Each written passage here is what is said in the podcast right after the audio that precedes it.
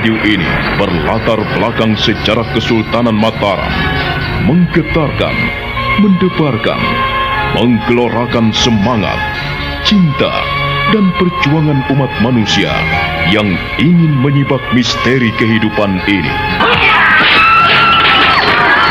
Cerita ini ditulis dan diolah oleh Bu Nergis Muriono, pengarah cerita dan naskah Agung Bahrodi, ilustrasi musik Hari Sabar, teknik dan montase Jenny Mumu, dengan sutradara Ferry Fadli.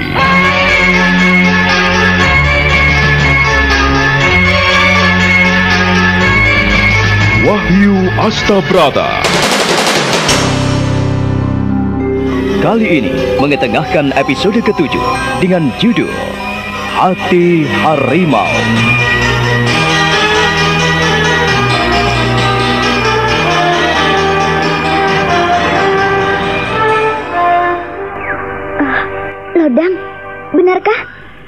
Apa yang kau katakan pada kami? Iya, Lodang. Katakanlah. Kalau iya, katakan iya. Kalau tidak, kau jangan menipu kami. Jadi kalian tidak percaya, Semi, Sirih. Terserah. Kalau kalian tidak percaya dengan apa yang aku ceritakan kepadamu, kau boleh pergi dari sini. Kalian tidak perlu mendengarkan apa yang kukatakan tadi. Jadi, Aji Sukmo telah dibakar oleh Kisrenggi. Iya. Itulah yang aku saksikan kemarin malam. Lalu, bagaimana dengan Nyai Sorok, Lodang? Sama. Perempuan itu pun mengalami nasib sial. Ia ikut mampus dan dibakar hidup-hidup oleh Kisrenggi. Eh, tapi Lodang, maukah kau membantu kami? Oh? Dengan senang hati. Apabila aku dapat membantumu, maka aku akan selalu menolongmu. Aku ingin kau membantu kami untuk membongkar tulang belulangnya. Seperti tidak ada pekerjaan saja? Ah, tidak. Kalau dalam pekerjaan lain, aku mau. Tetapi dalam hal ini, aku tidak akan pernah mau membantumu. Aku tidak mau melakukan pekerjaan yang sia-sia. Tadi kau bilang bersedia untuk membantu kami, Lodang. Iya. Pemuda macam apa yang suka ingkar janji dari apa yang pernah dikatakannya?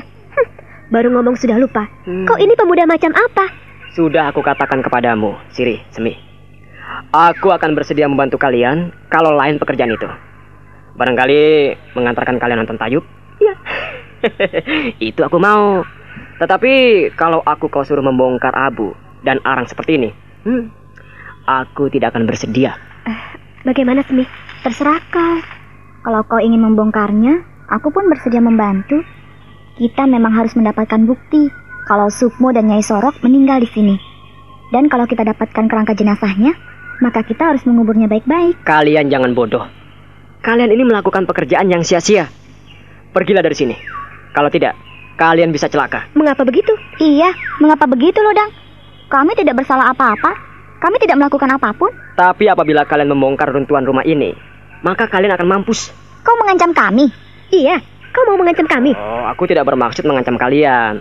Tetapi aku memperingatkan. Aku ingin agar kalian selamat. Eh, kamu tahu Rosemi, pamanmu seperti itu. Dan kamu, Siri, dengarkan baik-baik. Kalau Kisrenggi tahu kalian membongkar tempat ini, kalian bisa celaka. Aku tidak peduli. Apa pun yang dilakukan Kisrenggi, aku tidak takut. Dan kami akan semakin senang apabila kau mau membantu kami, Lodang. Sudah aku katakan berkali-kali. Aku tidak akan pernah membantu kalian dalam urusan itu. Eh, eh, Lodang tunggu! Lodang semula tidak mau menghentikan langkahnya. Tetapi saat Toro Semi dan Sirih berlari mengejarnya, maka ia pun berhenti dan memandang kedua gadis itu dengan senyuman dingin. Jangan pengecut, Lodang. Kau telah menyampaikan keterangan itu pada kami, tetapi kau tidak mau tanggung jawab dengan apa yang kau sampaikan pada kami. Sudah aku katakan kepada kalian. Aku tidak akan pernah membantu kalian. Kau dengar itu? Siri, Semi. Aku mau pergi. Eh, tunggu dulu. Kau jangan pergi ke mana-mana, Lodang. Sebelum permasalahan ini terjawab, kita tidak boleh meninggalkannya. Dan kau tidak boleh meninggalkan kami. Kau melarangku pergi? Hah? Di antara kita, tidak ada urusan apa-apa, Roro Semi. Kau tidak berhak melarangku apabila aku hendak pergi. Kau pengecut, Lodang. Kau tidak mau membantu kami. Kau bilang kau akan membantu. Tetapi setelah kami butuh bantuanmu, enak saja kau akan pergi meninggalkan kami. Karena aku tidak mau bersilat lidah dan mengulangi pembicaraanku pada kalian. Aku mau pergi.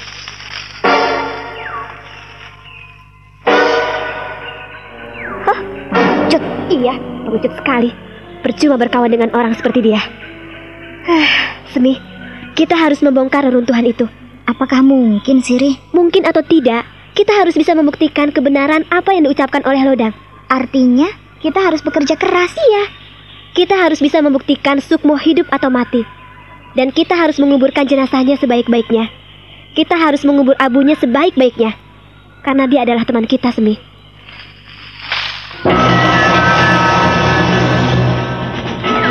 Semi dan Sirih lalu perlahan-lahan mengorek-ngorek reruntuhan rumah Nyai Sorok yang hancur berkeping-keping dan menjadi arang. Keduanya sibuk sekali membongkar reruntuhan itu, hingga tubuh mereka pun sudah mulai kotor oleh debu dan hangus.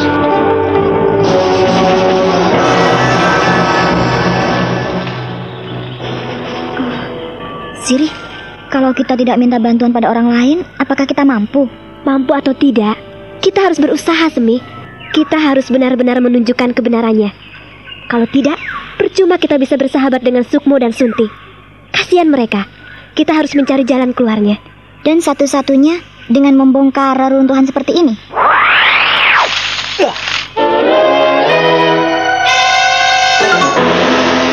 Hei, apa yang kalian lakukan? Roro Semi dan Sirih terkejut sekali ketika melihat orang tinggi besar, berewokan, dan bertampang tak ramah. Mereka tahu siapa lelaki yang berdiri tegap di hadapan mereka itu.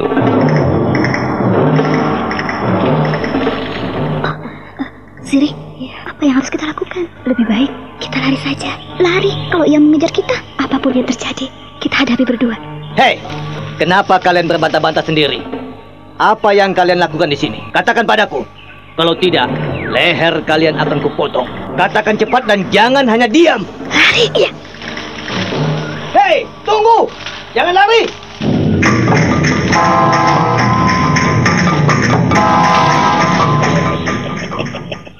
Kalian tidak bisa berlari dari hadapanku. Kalau kalian sampai berlari, pedang ini akan bicara. Dan kalau kau tidak mau juga berterus terang kepadaku, kau akan mati, bocah ayu. Dan sebelum kau mati, kau, kau harus melayaniku lebih dulu. Eh, kami tidak melakukan apa-apa. Kami Apa? iya, Apa? kami Apa? eh, Apa yang kalian lakukan di sini? Ayo katakan dan jangan berlari. A- aku, eh, eh, mm, kami mencari jenazah Nyai Sorok dan Aji Sukmo. A- apakah kalian yang membunuhnya? Iya, eh, kau membunuh mereka? Itu bukan urusanmu, bocah-bocah dungu. Kalau kalian tetap nekat, maka kalian akan kupaksa. Aku tidak pernah berurusan dengan orang yang bernama Aji Sukmo dan Nyai Sorok. eh, apakah benar Nyai Sorok dan Aji Sukmo telah mati dan kalian bakar di sini? Eh, iya, apakah kau salah satu di antara gerombolan Kiserenggi yang membunuh mereka? Mau ikut ke rombolonnya atau tidak, itu pun bukan urusan kalian. Hehehe, kau bocah-bocah cantik, tidak pantas ada di sini hanya berduaan. Karena aku bisa berbuat yang tidak-tidak pada kalian. Hehehe. Sumi, ayo kita lari. Kita harus lari. Ayo cepat. Kita tidak mungkin lari. Oh, kita tidak mungkin pergi dari sini. Mungkin atau tidak, kita harus lepas dari orang itu. Nampaknya berniat jahat pada kita. Ayo lari. Hei, tunggu! Roro Semi dan Sirih terus berlari sekencang-kencangnya.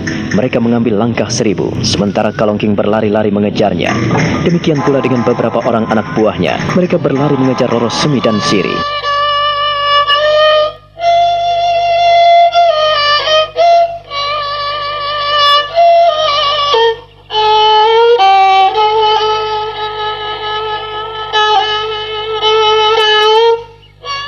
Sementara itu, Roro Sunti yang ada di dalam pasungan tidak mampu berbuat apa-apa selain merintih dan menjerit.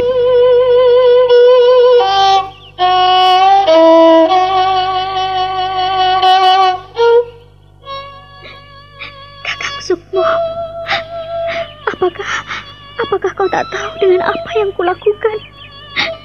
Kini aku harus menderita. Kalau kau benar-benar telah dibunuh oleh ayah, aku lebih baik mati. Ya, Aku memang telah membunuhnya. Dan tidak akan ada orang yang mendengarkan rintihan dan keluhanmu. Hah? Gusti. Ah, sudah. Ini, makan. Ayo makan. Makan kataku. Kalau kau tidak mau makan, aku akan kembali menyumbatkan semua makanan itu ke mulutmu. Bagaimana aku bisa makan dengan kaki terpasung seperti ini? Dan aku... Nah, cepat makan. Aku tidak mau mendengarkan keluhanmu. Kalau kau masih tetap nekat, maka aku akan memasung pula kedua tanganmu. Tahu? Hah? Iya. Ayo makan. Tolong, tutuplah tubuhku ini dengan kainku. Jangan kau biarkan aku telanjang seperti ini. Aku ingin kau tetap telanjang dan merasakan panas atau dingin udara di sini. Biar semut-semut pun menggerogoti tubuhmu. Ayo, ayo, ayo. Cepat makan dan jangan banyak bicara. Jangan sampai aku kembali marah kepadamu dan semakin murka kepadamu. Jangan nangis, ha? Jangan menangis. Diam dan nikmatilah makanan yang telah kusediakan untukmu. Jangan sampai aku berlaku lebih kasar lagi kepadamu. Diam kataku. Aku tidak suka mendengarkan keluhan dan tangisanmu. Inilah upah yang setimpal dengan apa yang telah kau lakukan dengan pemuda itu. Dan kau tahu, aku pun telah menebus semuanya. Nyawanya, nyawa Aji Sukmo dan Nyai Sorok telah menjadi tebusan apa yang telah dilakukan padamu dan apa yang telah kau perbuat. Hmm, kini telah kau tanggung akibatnya. Kau ngerti? Nangis kamu. Ayo, cepat makan.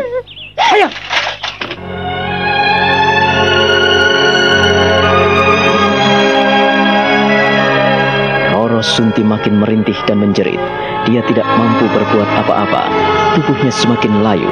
Ayahnya sungguh tidak berbelas kasihan melihat anaknya terjepit kayu pasungan. Roro Sunti semakin terisak-isak pilu. Dan dia tak mampu berbuat apa-apa lagi ketika ayahnya menampar dan menendangnya. Sudah berkali-kali ku peringatkan kepadamu Sunti Tetapi kau tidak mendengarkan kata-kataku Dan sekarang kau merintih dan menangis ha? Kau pikir hatiku tersentuh oleh tangisan dan rintihanmu? Hmm? Aku tidak akan pernah memaafkan orang yang tidak mau mendengarkan kata-kataku. Kau tidak perlu menangis. Kau tidak perlu merintih. Kau harus dengar kata-kataku. Pemuda yang kau cintai itu telah mati. Telah mampus terbakar dalam reruntuhan gubuk Nyai Sorok. Jadi tak ada gunanya kau menangisinya. Tak ada perlunya kau merintih dan memohon pertolongan padanya Aku ini ayahmu Aku ini orang tuamu yang mengasuhmu sejak kecil Seorang diri Tetapi sayang Kau tidak pernah mau mendengarkan kata-kataku Dan sekarang kau pantas menerima buah dari pekerjaanmu Suatu ketika kau akan tahu bahwa tak ada seorang pun orang tua yang tak menyayangi anaknya.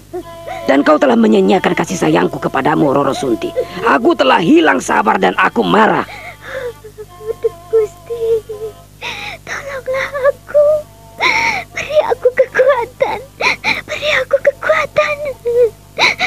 Perlu ambillah nyawaku. Ambillah hidupku. Aku tidak mungkin hidup dalam pasungan seperti ini. Apakah tidak cukup aku menghidupimu? Hmm? Apakah tidak cukup apa yang telah kuberikan kepadamu? Semuanya kuberikan kepadamu dan semuanya telah menjadi milikmu. Tetapi mengapa? Mengapa kau tidak juga mau mendengarkan kata-kataku? Oh, Roro Sunti, Roro Sunti. Beginikah orang tua yang menyayangi anaknya? Ia mengurungnya, menyekap dan menyiksanya. Inikah, inikah rasa cinta yang kau katakan kepadaku? Aduh Gusti, aku tidak mampu. Aduh Gusti, aku tidak kuat apabila hidup terus seperti ini. Aduh Gusti, tolonglah aku, tolonglah aku. Aku tidak mampu melakukan apa-apa lagi tanpa pertolongan dan kekuasaanmu. Ah, dengarkan baik-baik Roro Sunti. Aku tidak akan menghentikan hukumanku kepadamu. Hmm? Sampai kau benar-benar menyatakan tobat dan minta ampun pada ayahmu.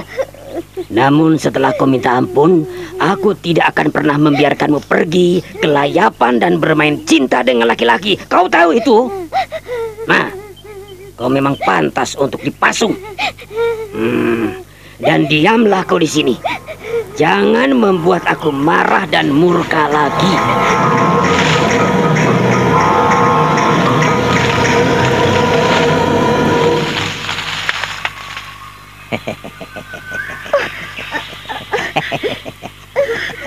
Kalian mau ke mana? Hah? Kalian mau ke mana, kelinci-kelinci manis? Kau tidak bisa menghindari harimau yang lapar dan ganas. Kalian tidak bisa lari dariku. Apa yang kau mau? Apa yang kau inginkan? Biarkan kami pergi. Jangan menghadang kami. Pergi kau. Pergi kau penjahat. Pergi kau. Aku tidak akan membiarkanmu pergi, Cahayu. Kalian tidak akan lolos dari cengkeramanku sebelum kucicipi tubuhmu yang indah dan molek itu.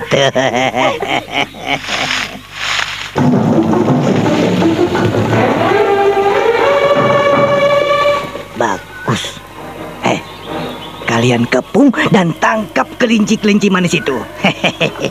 Biarlah aku santap satu persatu dan nanti kalian akan mendapatkan giliran yang sepadan. Cepat tangkap!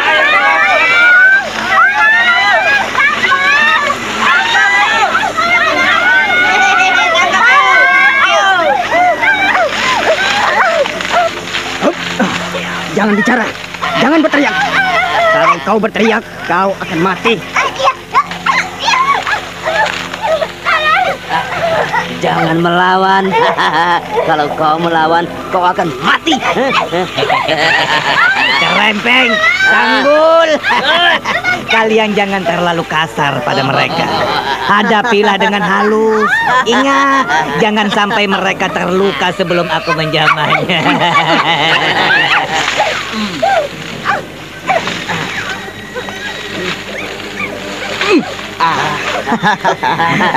Jangan banyak bicara. Diam. Ayo, jangan banyak bicara. Diam, diam.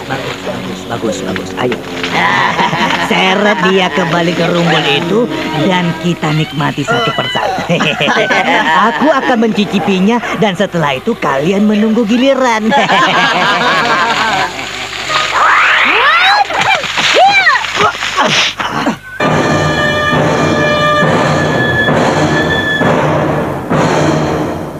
Kalongking dan kawan-kawannya terkejut sekali ketika mereka menyeret Roro Semi dan Siri. Seorang perempuan cantik jelita tiba-tiba menerjang dan menghajar Kalongking.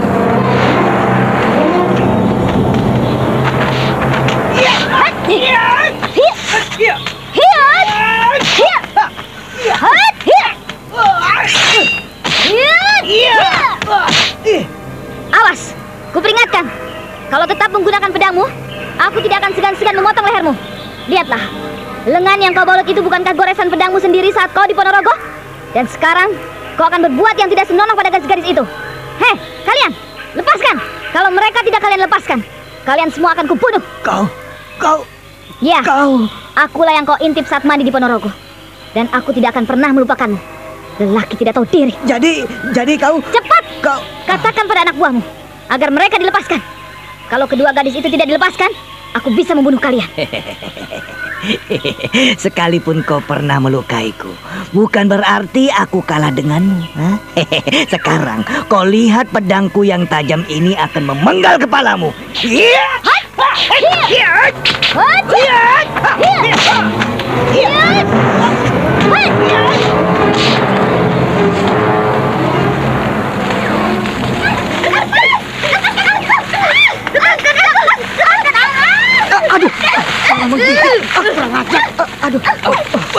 Iya.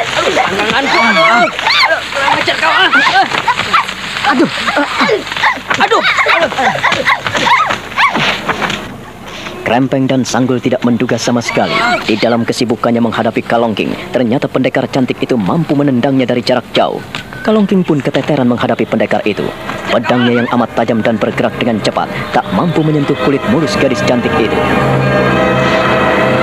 Ayo,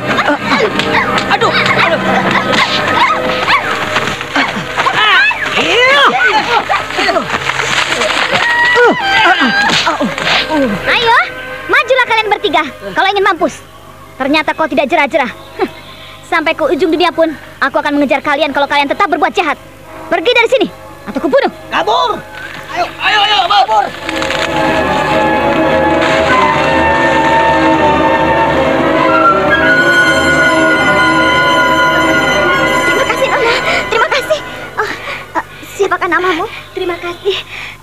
Kasih.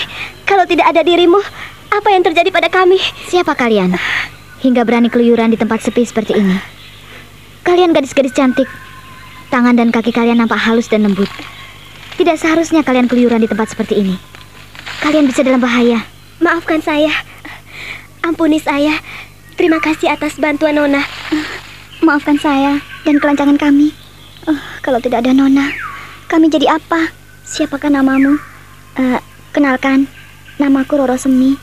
Dan ini temanku, Siri. Ah, sudahlah. Tidak perlu kau tahu siapa aku. Ku minta kalian segera pergi dari sini sebelum bajingan-bajingan itu kembali. Tapi, eh, kau harus menyebutkan siapa namamu, Nona. Agar kami bisa senantiasa mengingatmu. Iya, janganlah pergi sebelum kami mengetahui namamu. Aku tidak punya nama. Sudahlah, pergi dan tinggalkan tempat ini. Jangan pergi ke tempat sunyi seperti ini dan jangan main-main sendiri tanpa ada kawan yang lain. Kalian tahu itu? Iya, Iya, kami mengerti. iya, kami tahu Nona. Ku minta kalian bisa menjaga diri. Jangan sampai terjadi hal-hal yang tidak kalian inginkan. Ayo, segeralah pergi. Tapi Nona, eh, sungguh kami ingin tahu siapa Nona. Benar Nona. Perkenalkanlah diri Nona pada kami. Kelak kalian akan tahu siapa aku. Panggillah aku Dewi Maut Dewi, Dewi Maut. Eh, dari mana asalmu Nona? dari dasar neraka. Roro Semi dan Sirih terbelalak matanya mendengarkan asal-usul Dewi Cantik yang telah menyelamatkan jiwa mereka. Roro Semi dan Sirih saling berpandangan dan kembali memandang gadis cantik yang berdiri di depan mereka. Wulan hanya tersenyum. Ia memandangi kedua gadis yang tak berdaya itu dengan senyuman tipis. Mengapa kalian memandangku seperti itu? Ada yang aneh? iya, iya. apa yang kalian pandang aneh? Hmm, namamu Dewi Maut. Tetapi kau baik hati pada kami? Hm, Dewi Maut, dari manakah asalmu? Dan kau mau ke mana? Sudah kukatakan, aku dari ujung neraka dan aku mencari orang-orang yang berbuat kezaliman. Tapi aku ke sini memang ada maksud tertentu. Dewi Maut, tolong katakanlah pada kami apa yang kau cari di sini. Barangkali kami bisa membantumu. Aku mencari seorang sahabat kecilku yang telah lama pergi. Sahabat kecilmu? Sahabat kecilmu? Ya, sahabat kecilku yang telah lama pergi dan tidak ada kabar beritanya. Siapakah sahabat kecilmu itu, Dewi Maut? Iya, siapa namanya? Barangkali kami tahu. Dia anak sini? Tidak, dia bukan anak sini. Tapi aku percaya dalam usianya yang seusia denganku, dia akan di daerah ini. Sebutkanlah namanya, agar kami tahu siapa dia. Iya Dewi Maut. Katakanlah pada kami. Namanya Aji Sukmo.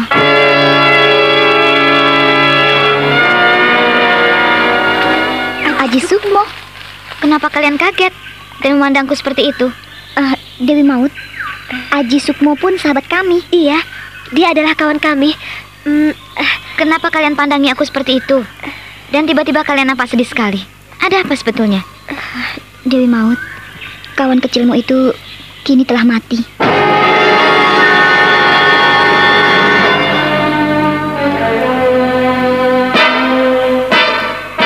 Wulan yang mengenalkan dirinya sebagai Dewi Maut nampak terperanjat, dahinya berlipat dan beranyam kerutan. Ia pandangi Roro Semi dan Sirih berganti-ganti dengan pandangan tak percaya. Dia telah mati. Dari mana kau tahu? Ah, aku tidak percaya dengan berita itu. Dewi Maut, kami tidak bohong. Ah, berita itu kami terima dari Lodang. Menurut cerita kawan kami, Aji Sukmo telah meninggal dan tertimbun reruntuhan gubuk Nyai Sorok. Nah, di sinilah katanya Aji Sukmo dan Nyai Sorok mati. Ia mungkin dibakar oleh komplotan Ki Serenggi. Jahanam, kurang ajar sekali orang itu. Aku harus membuat perhitungan dengannya. Tapi, Tetapi kenapa Dewi Maut? kita harus menguburkan jenazahnya sebaik-baiknya. Kami pun bermaksud sama Dewi Maut. Semula kami akan membongkar puing-puing reruntuhan yang telah terbakar menjadi arang di sini. Tapi tiba-tiba muncullah komplotan Kalongking yang akan memperkosa kami. Dan kami diseret komplotan itu ke dalam gerumbul. Kami tidak tahu apa yang terjadi seandainya kau tidak datang di sini. Duh, jagat Dewa Batara. Bisa juga orang-orang berbuat seperti itu. Ah. Siri, Semi, ayo. Kita bongkar puing-puing reruntuhan ini. Kita harus mencari abu jenazah Haji Sukmo dan Nyai Sorok. Kalau ketemu, kita harus menguburnya baik-baik. Wulan, Sirih, dan Roro Semi sibuk membongkar puing-puing reruntuhan dari abu dan arang bekas rumah Nyai Sorok yang telah terbakar hangus. Mereka sampai belepotan hangus dan arang. Tetapi mereka hanya bisa berdiam diri dan berpandangan. Sia-sia mereka mencari tulang belulang dan bekas abu mayat Aji Sukmo dan Nyai Sorok. kita tidak menemukan jenazahnya. Aku percaya, kalaupun mereka terbakar di sini, mereka pasti meninggalkan jejak-jejak dan bekas-bekas terbakar. Barangkali mereka hangus dan menjadi debu Dewi Maut. Iya, pasti mereka hangus dan menjadi abu. Ah, tidak mungkin.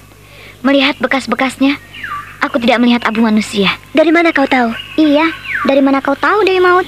Namaku Dewi Maut. Jadi aku tahu bagaimana bekas abu jenazah manusia. Abu jenazah orang-orang yang telah dibakar. Aku juga tahu bagaimana melihat abu binatang atau kayu-kayu biasa. Biasanya, abu jenazah manusia terkumpul dengan baik. Sekalipun ia tertimbun arang dan abu kayu, tapi ia akan terpisah. Abu manusia putih sekali. Jadi, aku berkesimpulan, Aji Sukmo tidak mati. Dia pasti masih hidup dan melarikan diri. Demikian juga dengan Nyai Soro. Jadi, Aji Sukmo tidak, mati. Ya, dia tidak mati. Aku akan mencarinya sampai kapan pun. Aku harus menemui temanku itu. Kumohon kau, Siri dan Semi, pulanglah dan hati-hatilah. Jaga diri kalian baik-baik. Jangan sampai diganggu oleh orang-orang komplotan Kisrenggi. Aku akan membuat perhitungan dengan orang itu.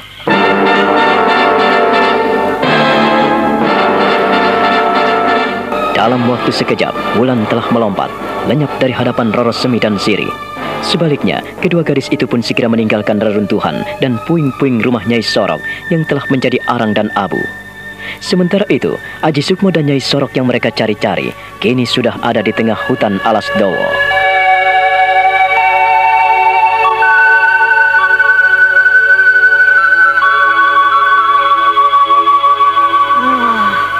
Kadang-kadang kita tidak tahu apa yang harus kita lakukan, Ger. Kita melakukan kebaikan, tetapi belum tentu diterima baik oleh orang lain. Dan aku berjanji, Nek. Aku akan menyingkirkan orang-orang seperti Kisrenggi. Cepat atau lambat. Tapi nenek tidak ingin tanganmu dikotori oleh darah orang semacam Kisrenggi. Janganlah menajiskan dirimu dengan darahnya. Nenek tidak rela dan nenek tidak mengizinkanmu menyingkirkan orang itu. Lalu apa yang harus kulakukan, Nek? Nenek melihat kelebihanmu yang luar biasa. Kau bisa mengatasi sakit penyakit tubuhmu dengan cepat. Beberapa waktu yang lalu kau dihajar habis-habisan oleh Kisrenggi dan cepat sembuh. Bahkan kau bisa bangkit dari pembaringan. Sekarang kau nampak segar dalam waktu yang singkat. Oh, lebih baik lakukanlah sesuatu untuk menolong Roro Sunti. Barangkali ia membutuhkan pertolonganmu. Tapi, apakah aku mampu melakukannya, Nek? Dan di mana dia sekarang? Apakah mungkin? Ayahnya? Apa ia seorang diri? Pasti Kisrenggi tidak membiarkan Roro Sunti pergi dari rumahnya. Atau barangkali malah diajak minggat. Ah, semua itu menjadi tugas dan kewajibanmu. Kau bisa menyelidikinya. Hah? Bagaimana? Aji Sukmo duduk termenung. Perlahan dia bangkit dengan dahi berkerut. Sesekali dia menggeleng-gelengkan kepalanya, bahkan menarik-narik rambutnya dengan tangan kanannya. Dia teringat pada Roro Sunti, kekasih hatinya yang dirundung malang, karena kasih cintanya dihalangi oleh ayahnya. Ada yang bisa menolongnya selain dirimu. Kau harus segera menolongnya. Jika tidak, dia akan menderita sekali. Aku juga khawatir bila ayahnya membunuhnya. Nah, iya, orang-orang seperti Kisrenggi memang berhati harimau. Seperti harimau lapar, harimau jantan yang tega memakan daging anaknya sendiri. Ah, aku teringat pada singa-singa di padang pasir. Kalau lapar, ia akan menampar kepala anaknya yang masih merah, lalu memakannya. Benar-benar manusia berhati harimau. Seharusnya kita menahan Dewi Maut. Jangan kita biarkan ia pergi. Bagaimana kita bisa menahannya? Dalam sekali lompat saja, ia sudah meninggalkan kita. Lenyap di tengah hutan. Kita tidak mungkin menahan orang-orang seperti dia. Kita membutuhkan kepandaiannya. Orang seperti dia pasti mampu menghadapi Kisrenggi. Kau percaya kalau Aji Sukmo masih hidup? Mungkin. Aku tak tahu. Orang-orang yang ajaib, penuh dengan misteri. Siapa sebetulnya mereka itu ya? Aku heran. Mereka muncul, hilang, muncul, hilang, dan lenyap seperti ditelan bumi. Oh, Dewi Maut. Apakah kau percaya dia muncul dari ujung neraka? Kau percaya, Semi? Aku tidak tahu. Tetapi, kalau menurut penuturannya begitu, apakah kita tidak percaya? Sunti. Hanya orang-orang seperti Dewi Maut yang bisa menolong Roro Sunti. Lalu di mana ya ia tinggal? Aku justru penasaran sekali pada Nyai Sorok dan Aji Sukmo. Kalau kita bisa menungui mereka, kita bisa kerjasama. Kalau benar-benar mereka belum mati, pasti ya sanggup menolong Roro Sunti. Kau percaya dia akan kembali ke sini? Bagaimana aku tahu? Aku tidak mengerti. Aku sulit menghadapi pemuda itu. Bahkan berhadapan dengannya, aku gugup. Mau bilang pada Pak Lurah juga tak mungkin. Sebab Pak Lurah sudah terpengaruh oleh pamanmu. Kita harus mencari jalan keluar yang terbaik, Semi. Harus memanggil Dewi Maut. Tapi ke mana dia? Dewi Maut, teman kecil Aji Sukmo. Ah, Dewi Maut, Hmm, kau percaya kalau dia sahabat kecilnya Aji Sukmo? mana ku tahu? Yang ku tahu, Aji Sukmo adalah cucu Nyai Sorok. Itu saja. Hmm. Semua orang-orang sibuk dengan kepentingan dan keinginan hati mereka. Tidak mau tahu kepentingan orang lain. Aku harus membebaskan Roro Sunti dari sekapan ayahnya. Aku tidak tega melihat dia dalam keadaan telanjang dan dipasung seperti itu. Biadab, biadab.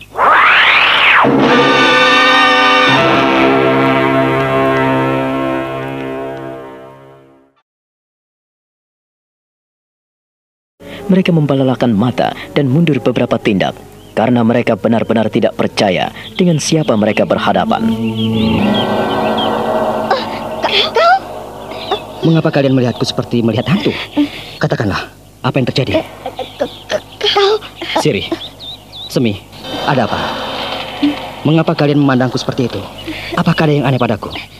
Benarkah kau, Aji Sukmo? Kau kekasih Roro Sunti? Ada apa sebetulnya? Mengapa kalian melihatku seperti itu? Eh, benarkah kau Aji Sukmo? Benarkah? Katakan dan jawab. Baru beberapa hari kalian tidak melihatku dan kalian sudah tidak mengenaliku lagi. Hm. Aku Aji Sukmo, cucunya Nyai Sorok. Hm? Kalian tidak percaya? Sukmo, kami sungguh tidak mengenalimu. Eh, aku pun tidak. Pelipismu lebam membiru, matamu masih membengkak, dan bibirmu masih memar seperti itu. Hampir seluruh wajahmu menjadi lebam-lebam, membiru. Eh, Kami hampir tidak mengenalimu, Sukmo. Iya. Inilah aku. Perbuatan Kisrenggi yang membuat tubuhku rusak seperti ini. Ia tega menghajar dan memukuli aku. Tetapi Yang Maha Kuasa tidak mengizinkan ia mencabut nyawaku. Sukmo, eh, eh, kami mencari-carimu. Iya, kukira kau telah mati, Sukmo. Mati?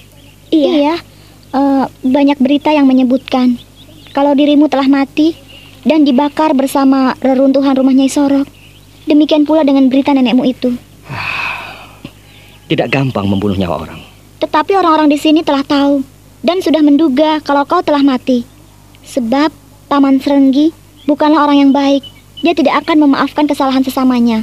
Dan ternyata kau bisa menyelamatkan dirimu. Aku hanya berserah kepada Yang Maha Kuasa.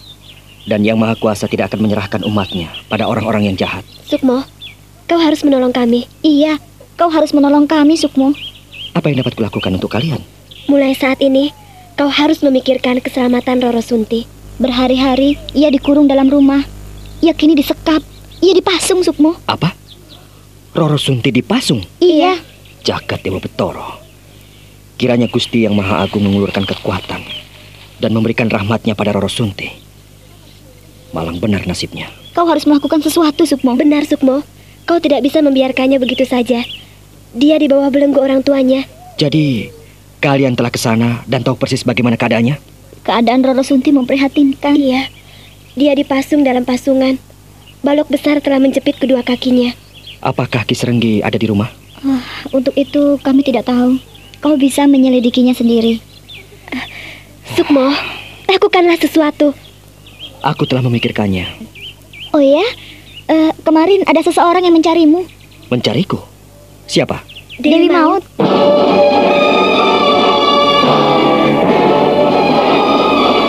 Beberapa saat lamanya, Sukmo hanya bisa diam.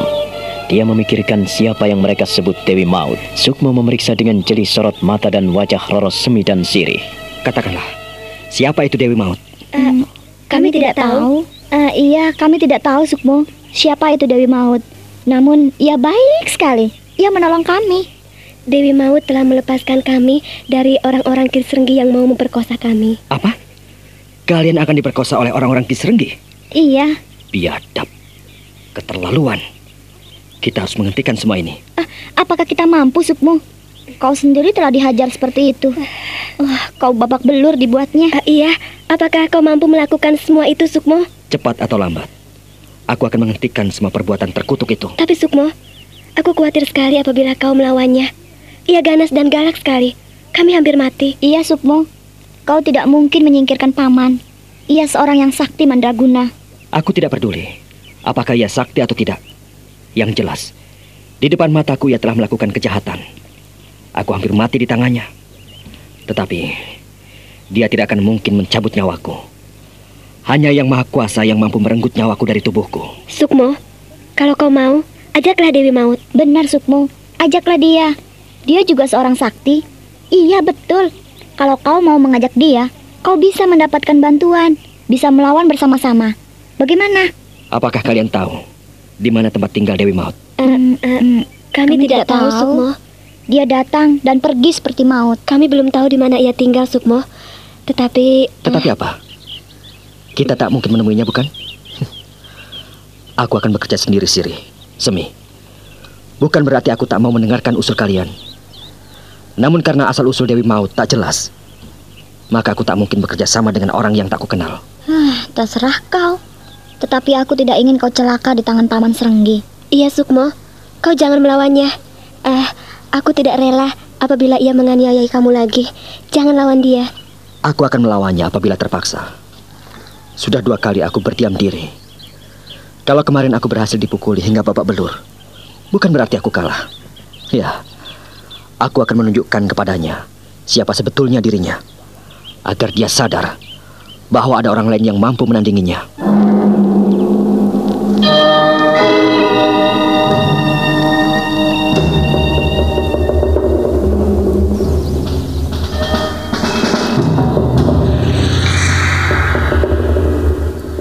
King? Iya. Apa yang kau lakukan terhadap gadis-gadis itu? Apa? Hmm? Aku tidak setuju apabila kau memperlakukan mereka seenak hatimu. Aku hanya ingin memberi pelajaran pada mereka, Kakang. Iya, agar mereka tahu bahwa kita bisa bicara bukan hanya dengan mulut, bukan hanya berkata-kata dengan ucapan bibir kita, tetapi kita bisa berbicara dengan tindakan dan apa pun yang kita lakukan tidak akan mendapat perlawanan dari siapa pun juga. Tidak. Kau harus ingat, Roro Semi adalah masih keponakanku. Aku tidak ingin kau mempermainkan mereka. Lakukanlah pada gadis-gadis yang lain, tetapi jangan pada anak buahku. Jangan pada sanak kadangku. Aku kurang suka pada tindakanmu di hutan teratak. Tapi kakang, mereka sangat berbahaya. Betul, mereka membongkar arang dan abu rumah Nyai Sorok yang telah kita bakar. Kalongking, Aku peringatkan kepadamu, jangan sekali-kali menyentuh Roro Semi. Kau dengar itu, Kalong King? Maafkan aku, Kakang. Aku hanya bermaksud memperingatkan kedua gadis itu. Hmm, tapi dengar baik-baik. Aku tidak mau mendengarkan laporan tentang kelakuanmu pada kedua gadis itu. Krempeng dan kau, Sanggul. Saya, Tuan. Saya, Tuan. Hmm, apa yang kau lakukan terhadap mereka? Apa yang kalian lakukan? Uh, uh, uh, uh, kami... Kami tidak melakukan apa-apa, Tuan. Iya, Tuan. Kami tidak melakukan apa-apa. Tidak melakukan apa-apa? Iya, Tuan. Orang-orang macam kalian hanya bisa diam kalau disumpal mulutnya. Apa yang kalian lakukan pada keponakanku? Apa? Hah? Jawab dan jangan berbohong. Kalau sampai ku dengar kau dusta di depan mataku, kau... Hmm, nih, nih, nih. Golok ini yang bicara. Uh, hmm. uh, ampun, Tuan. Uh, saya hanya memegangnya dan uh, uh, mendekapnya, Tuan. Uh, benar, Tuan. Uh, saya juga hanya mendekapnya saja dan uh, uh, uh, ingin meringkusnya agar ia tidak berlari, Tuan. Kalau King? Iya, Kakang. Apakah benar apa yang telah dikatakan kedua anak buahmu? Iya, benar, Kakang. Ketika aku melawan perempuan cantik itu, kedua anak buahku dan kawan-kawannya hanya berusaha meringkus agar mereka tidak berlari. Hmm, baik. Kesalahan kalian kali ini aku maafkan. Tetapi apabila aku mendengarkan laporan yang lain, nyawa kalian ada di ujung golok ini. Uh, Maafkan saya, Kakang. Maafkan saya. Aku tidak akan pernah memaafkan orang-orang yang melanggar ketentuanku. Orang-orang yang melanggar aturan-aturanku. Aku tidak segan-segan memisahkan batang lehernya dari tubuhnya. Iya, Kakang. Ah, sudahlah. Kembalilah kerja pada pekerjaan kalian masing-masing. Aku tidak suka kalian melakukan tindakan tak senonoh pada orang-orang terdekat dalam hidupku. Ngerti?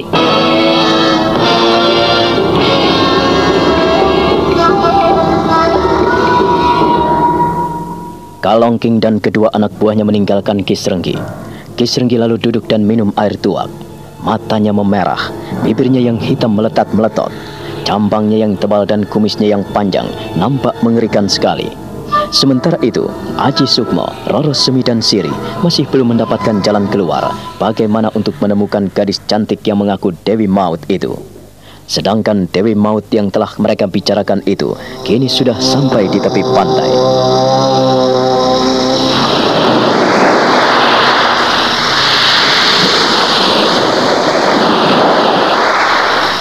Kakek Gunung, aku datang dari Ponorogo untuk menemui Buke. Aku mencari sahabat kecilku, Aji Sukmo.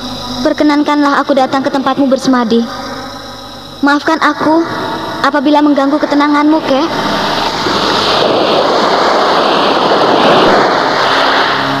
Kek, kakek Gunung, apakah kau mendengarkan suaraku? Apakah kau telah mengetahui kedatanganku, Kek? Mengapa kau hanya diam saja, Kek? Jawablah aku. Jika kau tidak keberatan, perkenankanlah aku memasuki ruang semadimu. Aku datang, Kek. Ini aku, Bulan, cucumu, Kek. Aku yang datang. Hanya angin yang datang dan pergi tanpa diketahui. Hanya angin yang memberikan waktu. Hanya angin yang memberikan sukma dalam hidupku. Datanglah jika engkau ingin datang. Tak ada tempat yang baik bagi seorang renta seperti kakekmu ini. Tikus kecilku, kau telah dewasa dan menjadi perawan yang cantik. Datanglah, Ger. Datanglah.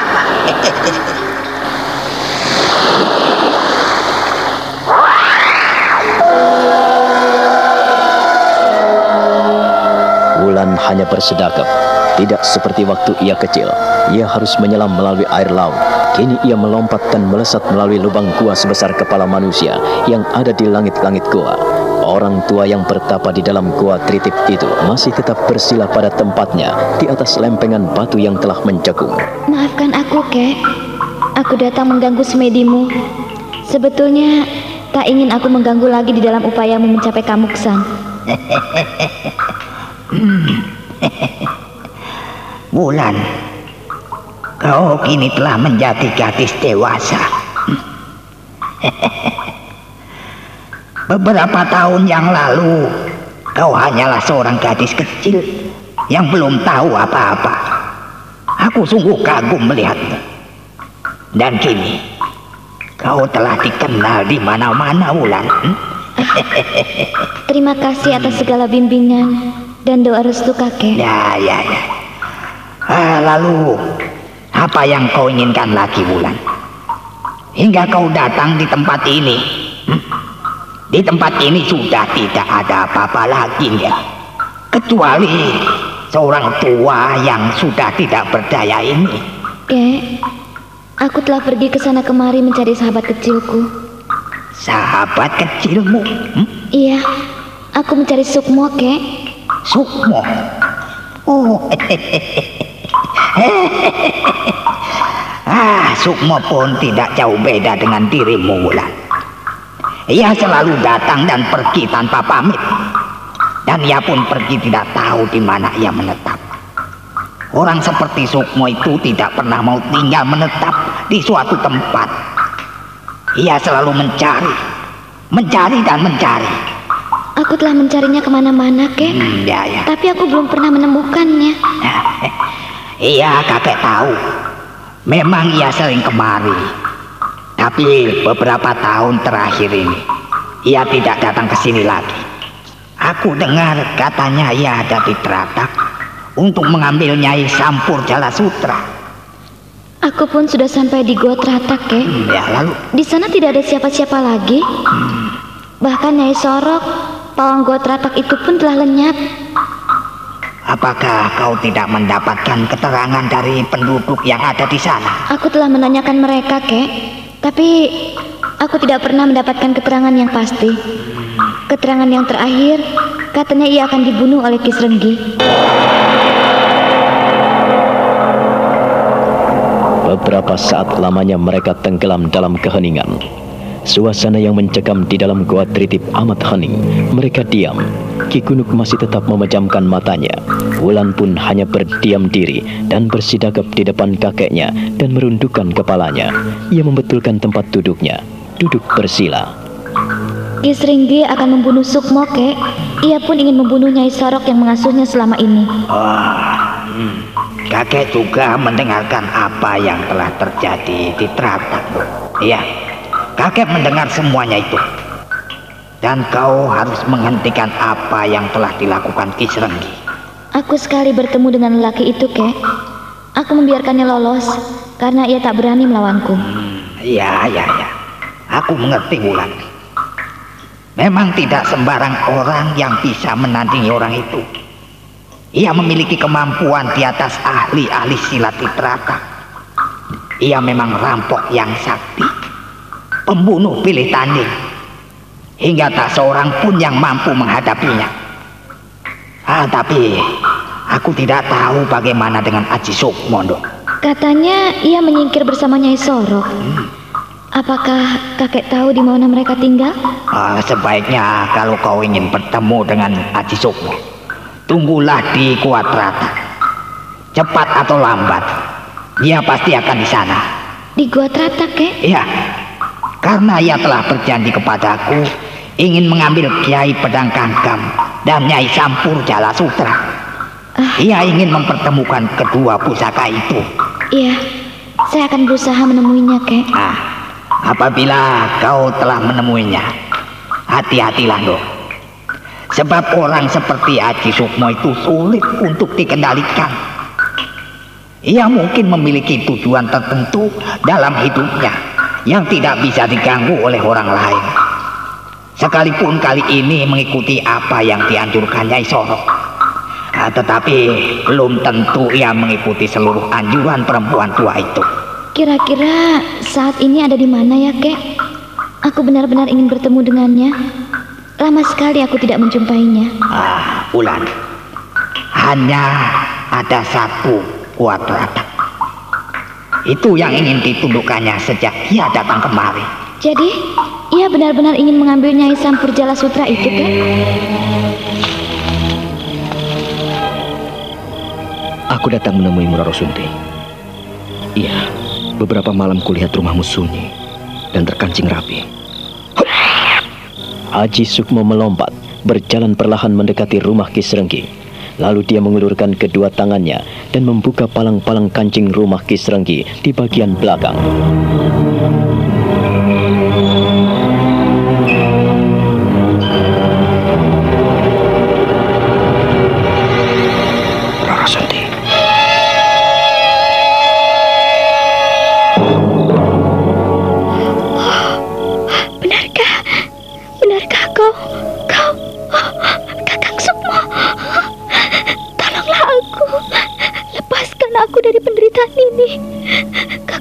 Kakang Sukmo, tolonglah aku, Kakang. Kau masih hidup, Kakang. Roro Sunti, aku akan melepaskanmu. Aku akan menolongmu. Aku masih hidup. Ya, ini aku.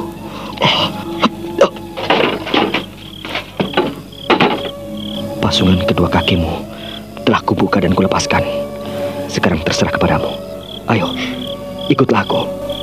Ketika Roro Sunti telah dilepaskan Aji Sukmo dari pasungannya, gadis itu tetap tidak bergerak. Ia diam, diam seribu kata.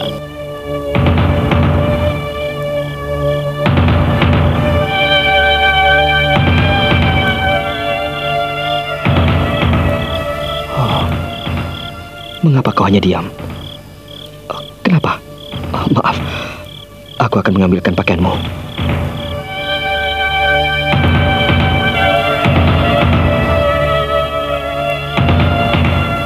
Kenakanlah pakaianmu agar tubuhmu hangat, Roro Sunti. Kenakanlah. Aku tidak tega melihatmu seperti ini. Badanmu kurus sekali, Roro Sunti. Kasihan. Keterlaluan ayahmu. Cepat, kenakanlah pakaianmu. Dan kita pergi dari sini. Kakang. Kakang Sukmo. Mengapa kau menangis? Ayo. Jangan hanya kau pegangi pakaianmu itu. Kenakanlah. Kenakanlah pakaian itu dan kita pergi dari sini. Aku akan membawamu pergi, Roro Sunti. Kakang. Tidak, Kakang. Aku tidak mungkin pergi dari sini. Tidak, Kakang. Aku tidak bisa pergi bersamamu, Kakang. Aku tidak bisa pergi bersamamu. Kenapa? Mengapa kau tidak mau pergi bersamaku? Artinya, aku harus mati. Ah, Roro Sunti. Kau harus pergi dari sini. Kalau kau tidak pergi dari sini, apa jadinya? Ayo, pergilah bersamaku. Aku akan menolongmu. Aku akan merawatmu. Tidak, Kakang. Aku tidak ada keberanian. Aku tidak berani, Kakang. Lalu apa yang kau inginkan? Kalau kau tidak pergi dari sini, kau tak mungkin menghindarkan ancaman ayahmu. Satu-satunya jalan harus pergi dari sini. Tidak, Kakang. Tidak. Aku tidak berani. Aku tidak berani. Kalau tak berani, aku tak bisa memaksamu. Terserah. Yang penting sekarang aku telah membuka pasungan kedua kakimu, Roro Sunti. Aku telah membebaskanmu. Karena kau tak mau pergi bersamaku. Baiklah. Kau akan tetap tinggal di sini. Dan aku akan mengamat-ngamatimu dari kejauhan. Nah, kenakanlah pakaianmu itu. Aku akan pergi sebelum ayahmu datang. Kakang. Kakang Sukmo.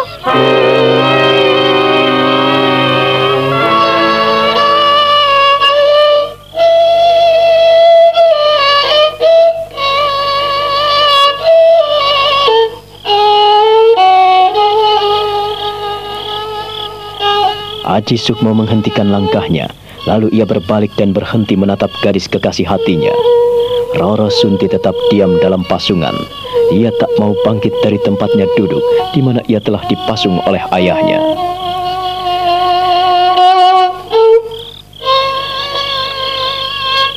Apa yang kau inginkan, Roro Sunti? Aku telah melepaskanmu, dan kau tidak mau lari dari sini. Artinya, kau akan tetap menghadapi ayahmu. Aku tidak tahu apa yang kau inginkan. Kakang Sukmo. Kau meninggalkanku. Sudah aku katakan. Aku akan tetap menyayangimu. Dan aku akan tetap mengamat-ngamatimu dari kejauhan. Aku harus cepat pergi. Sebelum ayahmu datang ke sini. Kau harus makan, minum, dan peliharalah dirimu sebaik-baiknya. Jangan keluar dari rumah ini. Kakang. Kakang Sukmo. Jangan tinggalkan aku. Satu-satunya jalan agar kita tidak berpisah, kau harus ikut aku. Aku tidak mungkin tinggal di sini. Karena kalau aku tinggal di sini, hanya akan menimbulkan malapetaka untukmu. Aku tak ingin kau menderita, Roro Sunti. Kakang. Kakang. Nah, aku telah mengangkat pasungan ini. Sekarang tinggal kau. Terserah padamu, Roro Sunti.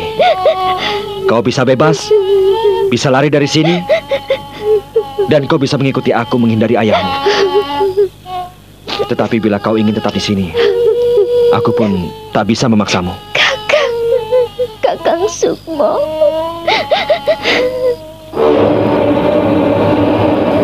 Roro Sunti terkejut sekali ketika dia hendak bangkit dan keluar dari sekapan. Ternyata ia tidak mampu menggerakkan kedua kakinya. Otot-ototnya serasa kaku. Seluruh sendi tubuhnya serasa tidak mampu digerakkan. Haji Sukmo terbelalak. Lalu ia mendekap kekasih hatinya. Dia memeluknya dan menciuminya dengan ratapan pilu.